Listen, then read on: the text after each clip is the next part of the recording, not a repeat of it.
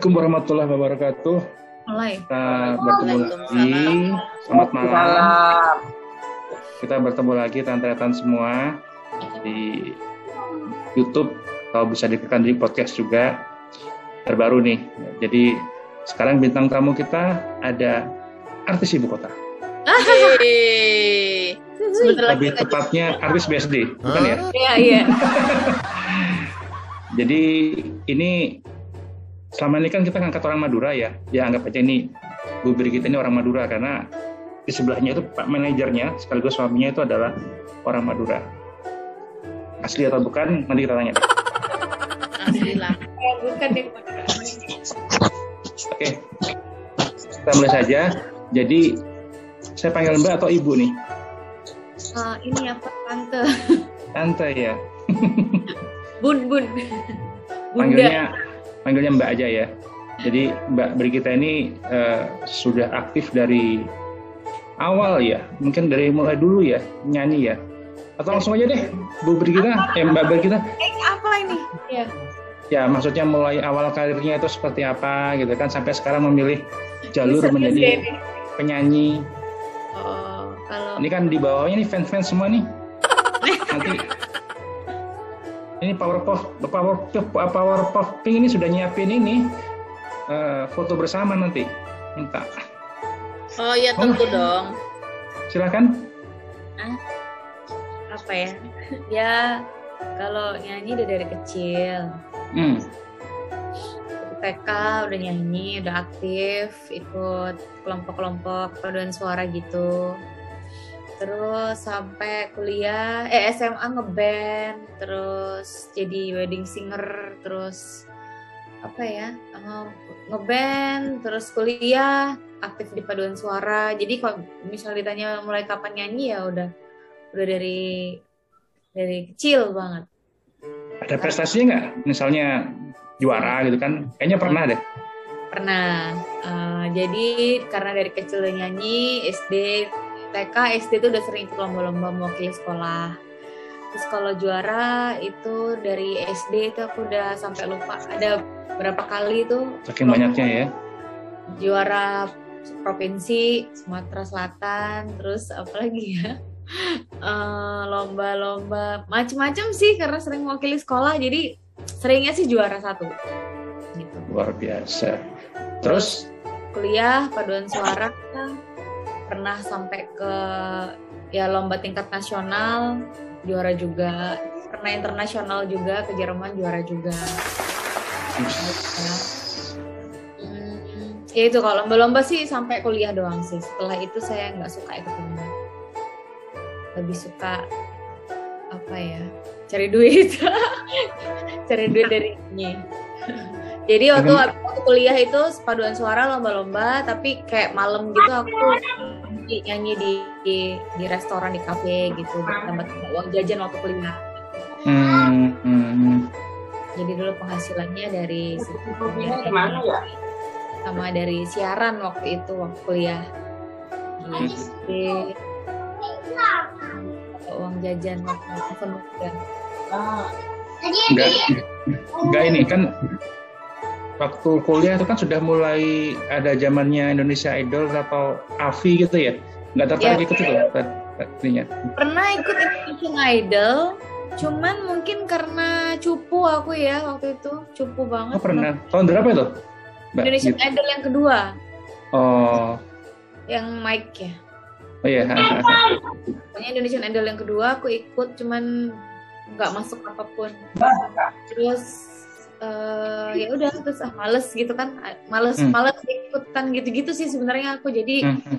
lebih suka kayak ya udah nyanyi nyanyi aja gitu sama band sama uh, grup apa home band karena kan aku juga udah kerja di dunia nyanyi gitu. Udah Hmm. ngapain nggak kepengen nggak kepikiran kepengen terkenal dari ajang-ajang begitu ya kepikirannya karena suka nyanyi ya aku nyanyi aja gitu karena sebenarnya dari dulu kayak nyanyi itu kan udah hari-hari gitu Uh, pekerjaan utama waktu itu ya kuliah sama uh, di radio. Jadi nyanyi itu benar-benar buat hobi tapi buat penghasilan tambahan. Dan nggak ke- belum kepikir kayak sekarang gitu kepengen pengen bikin lagu atau jadi penyanyi profesional yang bener-bener apa ya nasional gitu. Nggak sih gitu. Terus karena waktu itu kan masih kepikiran kalau cuma dari nyanyi itu kayaknya nggak cukup buat menghidupi gitu kan terus habis lulus kuliah ke Jakarta juga kerja jadi nggak kepikiran nyanyi itu buat buat yang serius gitu Oke oke. Eh, mulai terpikir untuk menjadi penyanyi profesional tuh sejak kapan, Mbak Gita? profesional yang maksudnya yang sebenarnya sih eh, kalau penyanyi profesional ya dari kuliah itu kan sebenarnya udah nyanyi dibayar ya temannya udah Hmm. profesional cuma eh, waktu kuliah eh, waktu di Jakarta kan kepikirannya ya eh, hidup di Jakarta kan berat ya bos jadi kepikirannya ya cari uang aja dulu gitu Bener kan. bener bener bener. Nyanyi gitu karena kan ya gimana orang baru merantau di Jakarta nggak ada channel nggak ada apa-apa jadi ya udah fokusnya cari uang terus Hmm. nikah gitu kan harus cari Nikah uang dengan siapa? Menikah dengan saudara anda itu. Siapa namanya dengan Ade Wahyudi. Ya kebetulan karena itu jadi orang Madura anda ya. ya, langsung, langsung di ini apa ditarik jadi keluarga Madura. Nikah Oke. punya anak jadi ya harus terus cari uang dulu buat keluarga gitu. Nah baru pas 2017 kan 2018 baru kayak kok kepengen nyanyi lagi gitu kan. Terus kebetulan udah ada pintu-pintu yang terbuka untuk nyanyi lagi gitu. Baru Hmm. 2018 aku bikin lagu terus ketemu sama teman-teman yang bisa membantu untuk bikin lagu. Kebetulan ketemunya tuh langsung yang kelas kakap gitu waktu itu sama Roma dia anggota band Moka Hmm. Ketemuin sama waktu itu yang lagi terkenal banget naik da- daun kan ada payung teduh Hmm. Nah, di- di- diketemukanlah sama mereka terus jadilah lagu pertama pesan rahasia tahun 2018 nah pas di situ kok aku berpikir kok kayaknya hmm, menarik ya bisa gitu ya untuk serius di bukan serius lah bisa menjadi musisi lah ibaratnya gitu jadi penyanyi gitu terus akhirnya 2018 Single eh, pertama itu ya. Ya single pertama. Nah setelah itu ya udah aku bilang sama suamiku mana sih kok nggak ada sih? Pak manajer selalu di belakang layar. Iya, terus aku bilang sama suamiku, ini kayaknya nih kayak kalau misalnya aku nggak bekerja dan kamu sudah lebih settle, kayaknya saya, saya bisa nih mengejar mimpi saya yang tertunda hampir 40 tahun tertunda, yaitu menjadi penyanyi yang sesungguhnya gitu kan. Kayaknya cukup lah ini ya secara macam-macam lah finansial dan segala macam dan waktu itu kan juga 2019 resign alhamdulillah dapat dari kantor juga kan. Mhm. Ah, untuk biaya biaya produksi produksi lagu sampai berapa tahun ke depan gitu, gitu waktu itu pikirannya. Jadi ya udah akhirnya akhirnya Itu- 2019 apa? La- Lagu dari awal ngarang sendiri, mengarang Iya. sendiri. sekarang sendiri Oke, single pertama judulnya Sun Rahasia. ya Itu buat siapa pesannya? Itu rahasia, kok nggak terbuka. orang-orang yang di belakangnya rahasia. ada, ada cerita, ada backgroundnya gitu. Aduh, itu lagu pertama ya pokoknya intinya sih sebenarnya di semua lagu itu pasti ada cerita di belakangnya, entah itu Hmm. dari orang, dari diri sendiri, dari macam-macam lah inspirasinya itu. Gitu sih. Menarik. Nanti kita semua setuju ya eh, Mbak kita ntar menyanyi ntar pakai bahasa Madura tapi Pakai bahasa Madura tolong ditranslate. oke ini sampai sekarang Mbak kita sudah ada empat single ya tadi kita saya dapat bocoran dulu empat single ya Empat berapa? single dan satu mini album. Total lagu tuh ada delapan kalau ditarik di semua di Karang sendiri Semua dikarang sendiri kecuali justru yang lagu terakhir. Lagu terakhir itu yang baru aja rilis yang judulnya Gita Cita Harapan itu adalah kolaborasiku dengan teman musisi yang lagi naik daun juga namanya Viko Nenggolan.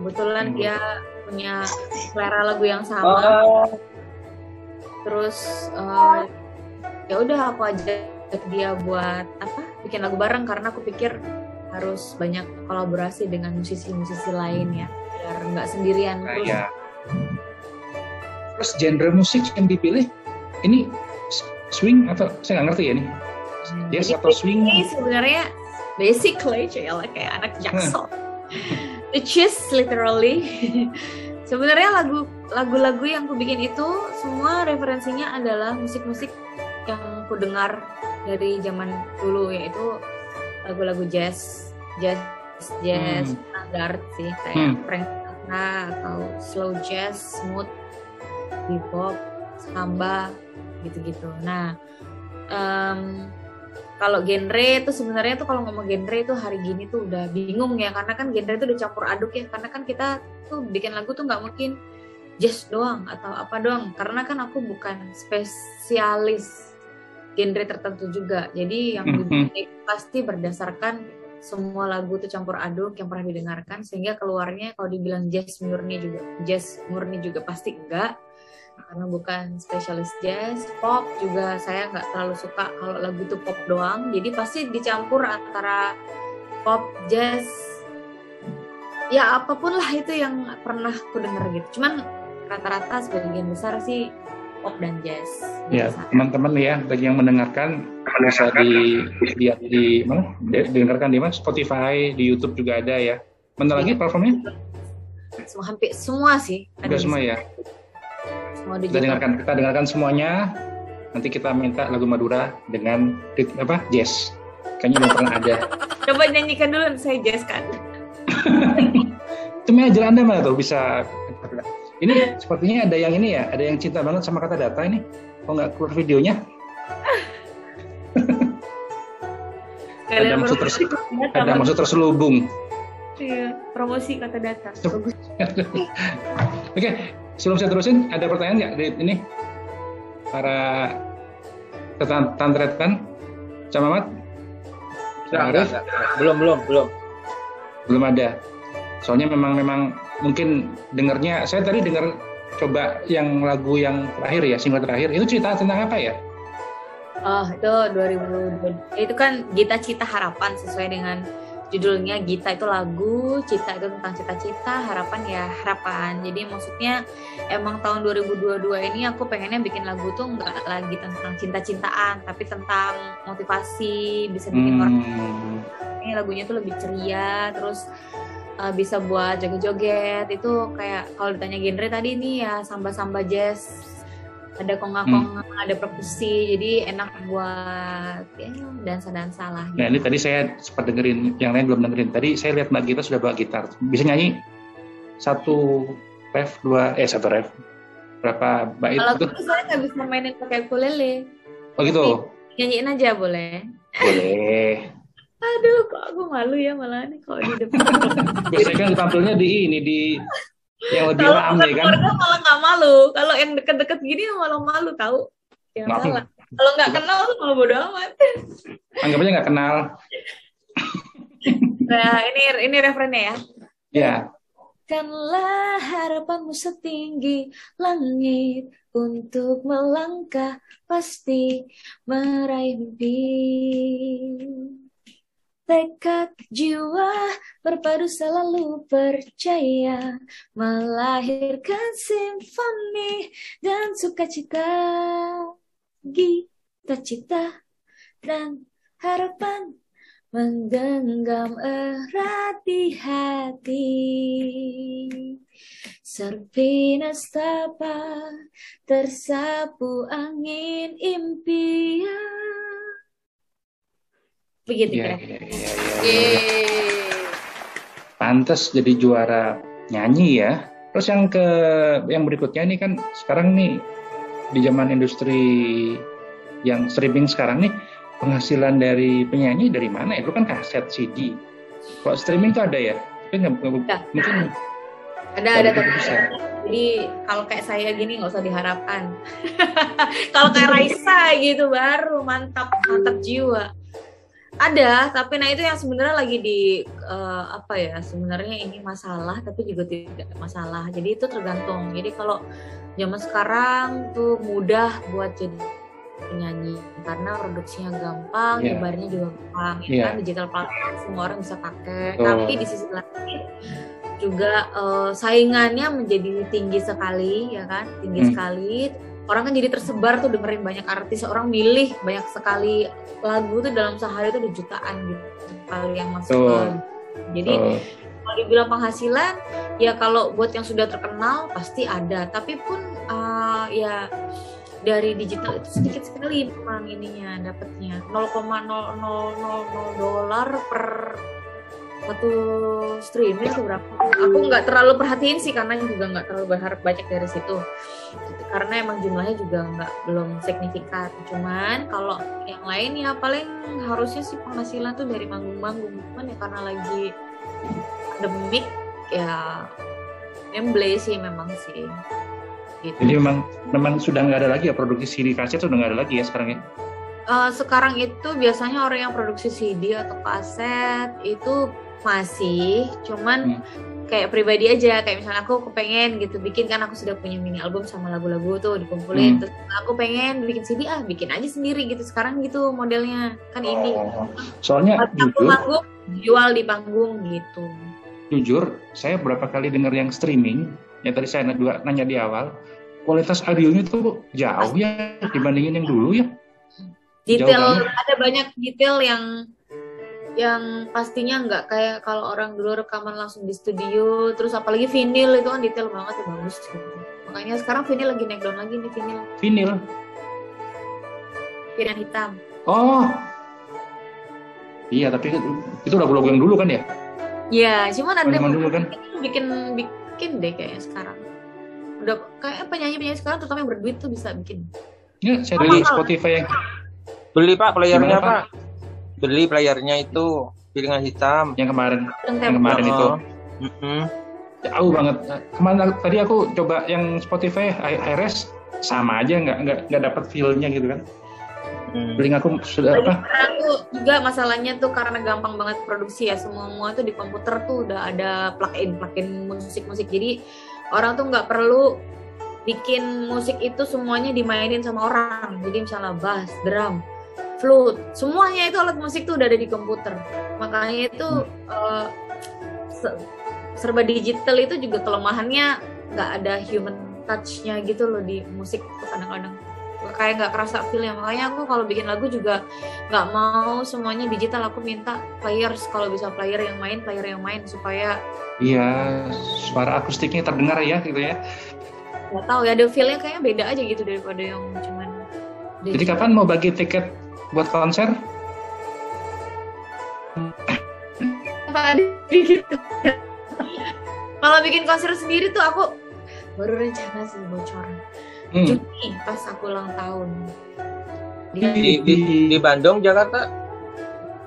di Jakarta pastinya karena kan Oh. pemain-pemain semuanya di sini Jangan khawatir Pak, ada sponsornya Pak kata data kita semua tadi udah datang.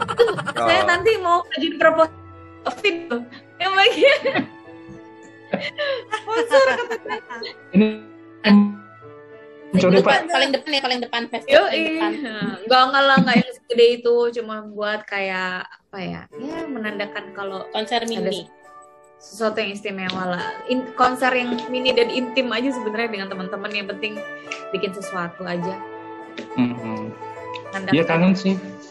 Live ya mudah-mudahan pada saat Juni sudah PPKM udah nggak ada ya. Mudah-mudahan ya. Ah, sekarang juga udah banyak kok. Kayak aku udah mulai main-main nge-gigs lagi, udah mulai manggung-manggung lagi. Ini aja Maret udah lumayan rame. Maksudnya udah sih kayaknya udah. Boleh Orang udah- dapat bocoran nggak sih sekali panggung itu berapa? Tidak boleh. Jangan nanti kamu dita di ini git ditagih. Makin Nanti suami saya tahu saya dapat berapa enggak di. Lah. Di proposal ada kan? Di Hah? proposal, di proposalnya ada kan? Kalau soal harga itu kalau main musik itu ya nggak bisa kayak ngitung kayak semua serba duit gitu loh karena kita juga butuh panggung karena kangen manggung kan jadi kadang-kadang nggak dibayar kadang-kadang juga dapat berapa kadang-kadang alhamdulillah bisa dapat gede tergantung jadi eh, komersil apa enggak eventnya gitu loh udah mulai banyak sekarang ya buat ya eh, on airnya ya. Eh, syukurlah jadi apa lebih lebih bisa berinteraksi dengan audiens ya. Mungkin feel-nya beda mungkin ya kalau nyanyi di studio dengan ketemu, ketemu dengan audiens menyapa gitu ya sangat kondisinya sangat ya. ya banget apalagi kalau kita nyanyi lagu sendiri jadi kalau nyanyiin lagu sendiri tuh ya kalau misalnya kita langsung main di depan orang gitu malah Hmm. nggak usah banyak deh anggap aja yang datang kayak 30 atau gitu ya kayak beberapa gigs aku tuh seneng gitu malahan. Karena apa? Mereka datang memang buat nonton gigsnya memang buat nonton musisi yang main gitu. Hmm.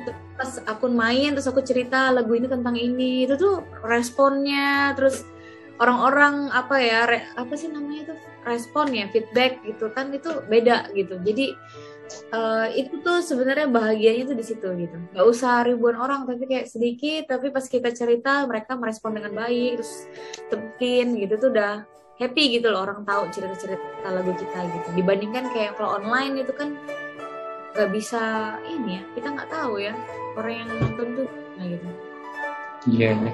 Ini yang ke depan apa ceritanya ini? Soalnya Mbak Gita ini punya anak dua dan dua-duanya hobi nyanyi ya.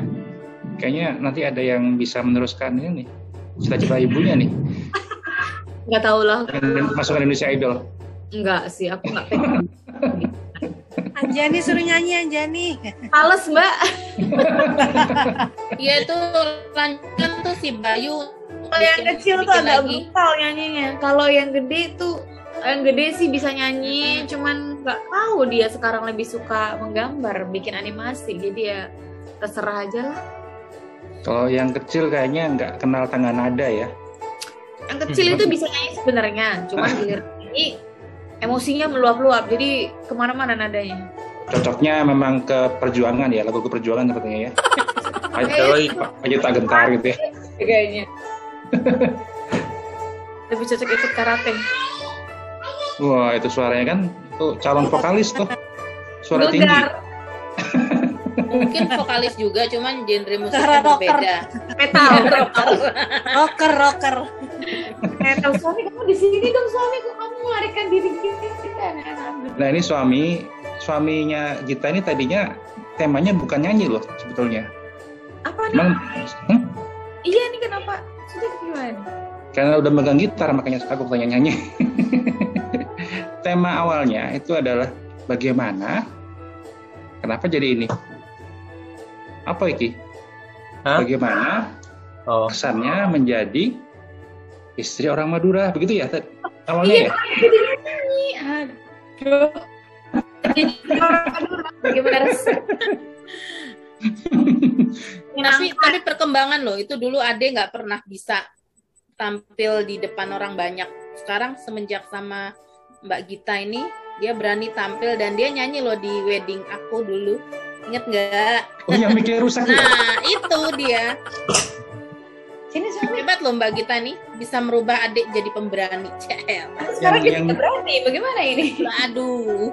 Yang speakernya rusak tuh kan kemarin tuh ya, pas nyanyi ya? dia tuh mulai nyanyi itu pas nikahan kita nikahan aku Iya, iya, iya. Nah, iya pertama kali ya. itu latihannya berpuluh-puluh kali sebelum nyanyi latihannya benar-benar berpuluh-puluh kali di tempat karaoke nyanyi lagu yang sama Lagunya apa waktu itu ya? Oleh Olang ya? You are so beautiful. Oh, iya, iya, iya, iya. iya. Sekarang bisa nyanyi Bapak Ade, Mas Ade. Coba Bapak nyanyikan deh. You are so kok enggak, kok enggak in frame suara? Dek, masuk kamera dong. Mas Iya, Ade. Mak ngetak. tamu tamunya ini yang paling saya Tapi kan ini juga. adalah ini ya, acara keluarga besar. Eh. Tapi di Kahitna itu ada loh lagunya Lajengan kalau nggak salah tuh. Itu bahasa Madura juga loh. Iya, iya, iya. Mm.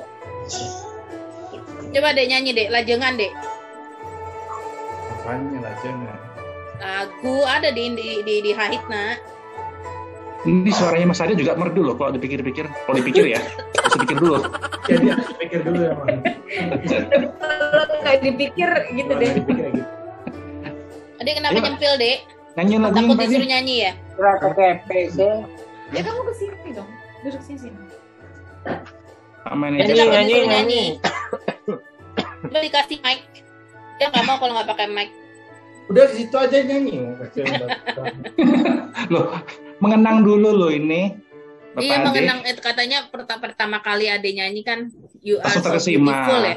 Ah, Iya. aku kan lang- langsung langsung shock lah. Ah, Ade bisa nyanyi ya Allah gitu kan. Aku langsung ah, excited banget. Nyanyi. Terus coba Dek nyanyikan Dek. bukan bisa tapi menyanyi Coba Dek, dulu saya- coba. Saya lupa loh, Dek. Coba, Dek. Reminder lagi lah ulangin, Dek. ulangin lagi, Dek. Lupa loh, lupa. lagunya kayak apa sih? saya La- juga Lagunya kayak mana ya? Itu Ya itu lagunya Dek Glory Glory Man United itu. Nah, itu.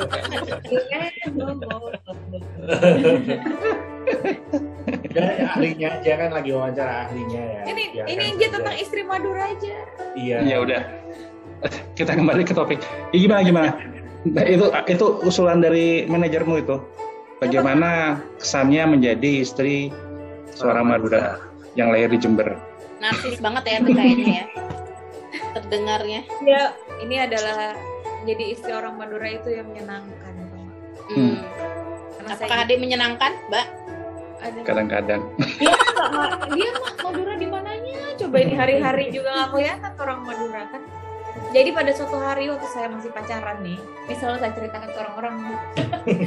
aku tuh nggak tahu kalau dia tuh bisa bahasa Madura. Terus kan kita beli sate tuh malam-malam. Terus kan dia ngomong pakai bahasa Madura, aku ketawa-ketawa. Aku pikir dia bercanda kok, Mas Adi bisa bercanda ya? Biasanya kalau lagi pakai bahasa Madura minta diskon. Itu dia, itu dia. Ya dulu kan dia Ternyata itu anak kosan. kan kan selamanya selama ini kan dia selalu pakai bahasa Indonesia yang formal itu kan. Bahasa dia kan baku. Tiba-tiba mau bahasa Madura aku ketawa ngakak dong kamu kok bercanda sih ngomongnya sama orang? Aku gitu kan. Aku nggak bener-bener nggak pernah denger orang ngomong Madura. Terus ternyata dia bilang itu bahasa Madura. Terus dia cerita kalau dia dapat bonus ber satu atau dua tusuk Ya, sate tambahan gitu lah. setiap Emang orang Madura gitu ya? Kalau kita beli sate terus pakai bahasa Madura di diskon gitu? Yakin? Kalau di Jakarta Iya, gitu. di diskon sih enggak di diskon enggak selalu Ditambahin. ditambahin Tambahin. Oh. Nanti lah dicoba lah. Nanti salah dicoba lah. satu salah satu Iya. keuntungan dengan orang Madura ini satenya ditambahin jumlahnya antara 2 sampai 5 tusuk Nah, iya benar-benar. Oh, Banyak Enggak dong. Gitu kan Terus apalagi ya Hmm, apalagi ya Kaget nggak dengar eh, kalau Ade bisa bahasa Madura, Ade Madura kaget nggak? enggak Karena ya kan image-nya kalau di Jawa itu orang Madura tuh yang yang kasar, yang enggak sih enggak pernah pengambil besi. pernah Hmm. nggak pernah dengar sama sekali tentang orang Madura itu bagaimana bagaimana. Jadi jujur aku nggak ada bayangan. Yang aku tahu Madura itu ya sate Madura gitu doang. Pecinta durian loh Madura itu. Tanyain nggak suamimu suka durian nggak? Oh, oh, mana ada? Itu mitos. Mitos. dan itu kalau Ya, Rata-rata orang orang Madura suka durian loh. Coba tanyain ke mamanya adik itu kan suka durian. Mana ada di Madura itu duren? Ada, ada Ada. sate, soto. ser serkaje apa namanya? Ya Oh sarkaja. ada sarkaje. Apa itu Serkaya? Srikaya. Tuh, Sri Kayanya Terus apa beda lagi? loh. Mbak Gita, kesan kesannya Sana apa menjadi istri orang Madura selain itu dapat diskon di tukang sate nggak pernah makan sayur ya nih. Orang Madura tuh nggak makan sayur ya? Bu? Iya sih? bener. nah itu mitos-mitos yang Madura yang pernah yang benar Benar. tuh Nih ya, aku orang Madura nggak makan sayur. Terus di aku orang Madura apa dia doang sih dia nggak doyan makan apa-apa. Kenapa dia kan gak doyan makan apa-apa, jadi sebenarnya dia tidak mewakili Madura kayaknya. Orang Madura tuh suka ini tahu bakso itu loh. Suka nggak? Iya iya dia tahu bakso. Gak cuma orang. Madura tuh om. Tapi kan Jember. ini kan maksudnya kan kalau Mas Adi kan emang agak special case gitu karena kan dia cuma sukanya tuh sangat-sangat terbatas gitu. Kan kalau orang Madura lain ikan masih makan ya kan, Hmm. bebek itu enggak Nah, enggak. apalagi bebek iya bebek tuh harusnya mau loh. Mau mau rasa kamu suka bebek. Lah Dia lebih suka makanan Chinese food daripada makanan. Saya bingung. gu- gule tuh Madura tuh. Nasi gulai. Dengan orang Madura saya jadi tahu kalau nasi amboina itu mantap.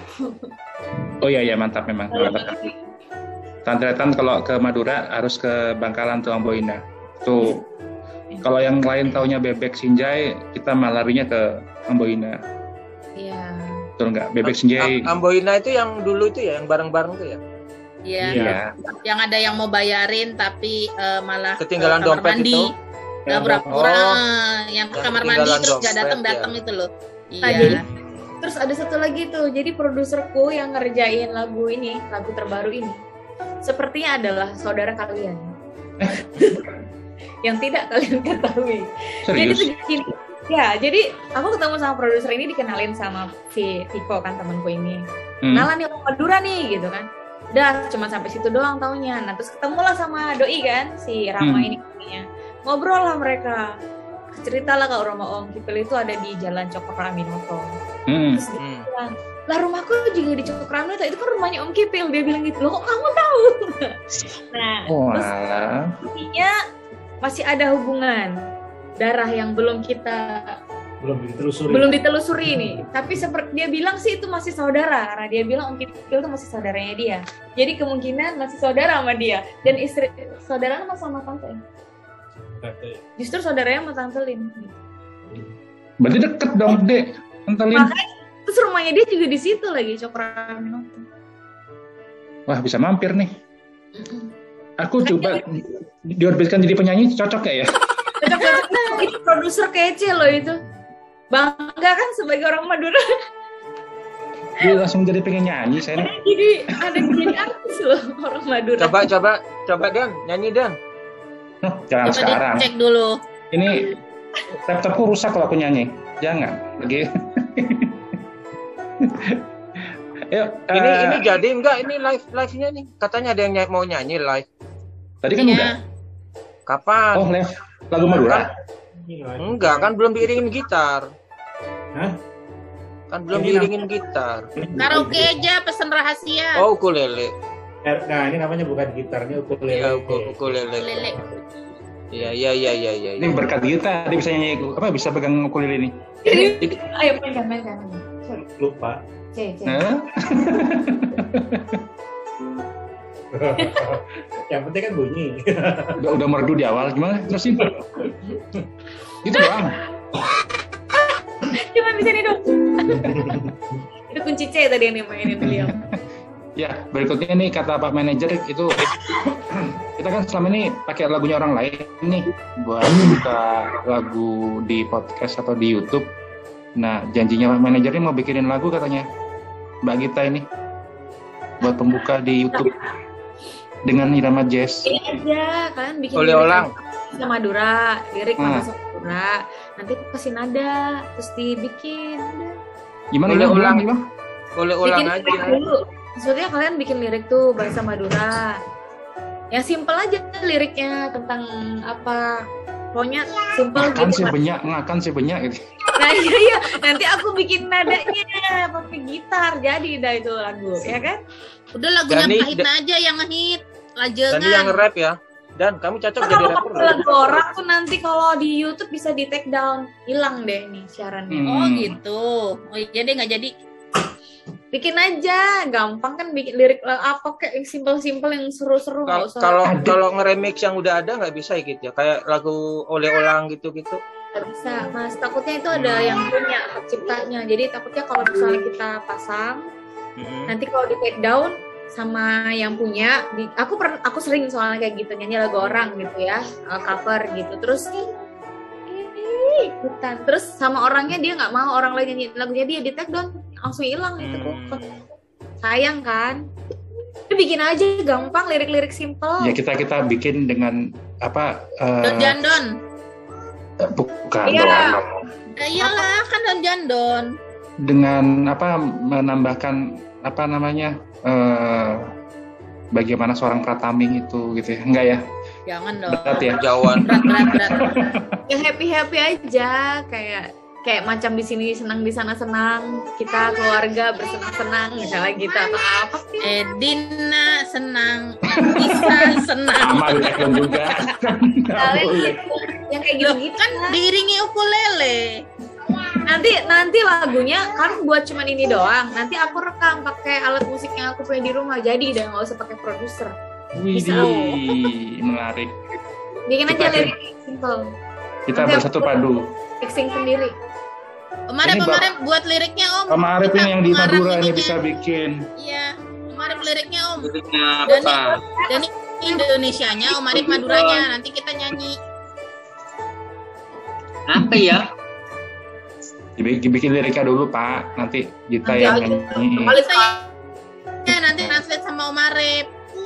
Jangan, kalian yang lebih tahu lah. Ini maksudnya tentang apa acaranya. Ini ini judul podcastnya apa sih? Don Jandon Don Iya. Jandon. Misalnya Don Jandon apa gitu. Ya. Don oh iya kita buat sendiri ya. Don Jandon Don Jandon eh, orang Madura apalagi ya Nina bagus suaranya loh baru nggak ya siapa Nina suaranya bagus juga Mbak Nina ini Loh, bapak saya kan musisi gini-gini. Oh pemain iya, iya. Pemain organ. Bener, bener, bener, bener, bener, bener, bener. Don Jandon tuh duduk santai agosti. Kenapa, Om? Don Jandon tuh ngumpul, duduk santai, agosi. Ah, gitu. Iya. Misalnya kayak, ayo eh, apalah tadi tuh, ayo duduk santai, kumpul di sini. Jandon gitu Om. Don Jandon misalnya gitu. Iya, iya, iya, iya, iya. Hanya Don Jandon aja itu di itu. Ya sudah, Boleh, kita boleh, bikinkan deh. Kum- Kumpul-kumpul bareng di Don Jandon gitu-gitu. Ya, bagus ya. Nanti apa yang ini ya. Mungkin cukup ya. Hari ini kita, ini terima kasih nih Mbak Gita atas informasi Oke, tentang ya. musik, sejarah kenapa waktu masuk ke musik, dunia musik, dan kenapa senang jadi punya istri orang Madura ya. Eh, punya Yang suami orang Madura ya. Menyenangkan ya. Heeh, yang pasti tuh saya bisa masuk di musik juga atas izin dan dukungan dari Orang ini, Madura. orang Madura yang seperti ini. ya, ya, ya, ya. Kalau nggak diizinkan juga nggak boleh. juga nggak jadi gitu kan. Ya, sekali lagi terima kasih dan rekan-rekan semua ini kita tolong didukung dengarkan eh, singlenya dari mulai yang pertama sampai terakhir Subscribe nih. ya. Subscribe. Saya udah subscribe. Ya, Tolong. membawa Dengarkan di Spotify biar dapat duit tuh ya. Spotify. Oke, saya dengerin bentar. Ya. Ya, sekali lagi terima kasih. Mungkin nanti kita gak apa eh, bertemu lagi di lain waktu. Dan Mhm. sekali lagi eh, kita ada di YouTube, ada di podcast. Silahkan subscribe. Jadi kita bisa terus memberikan informasi. Sebagai penutup. Like and share. Ya, Yang Coba penutup terakhir. Ya, Ya, nyanyi, coba nyanyi, nyanyi Oh, balonku. terakhir. Nyanyi, Mas. Anjani nyanyi. Anjani nyanyi. nyanyi, nyanyi, Balonku, nyanyi. balonku. Kenapa? Instagramnya Ranger kuning udah dibagi ya. Ya, Bapak yuk. Belum. belum belum belum belum belum.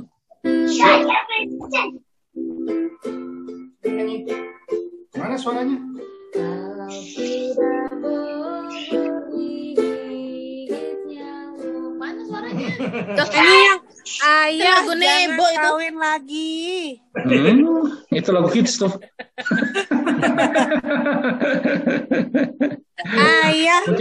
Jangan marah-marah. Lagu andalan dia. Udah semua. Ya mungkin begitu Ya. ya. Sampai ketemu lagi. Wassalamualaikum warahmatullahi wabarakatuh. Terima kasih.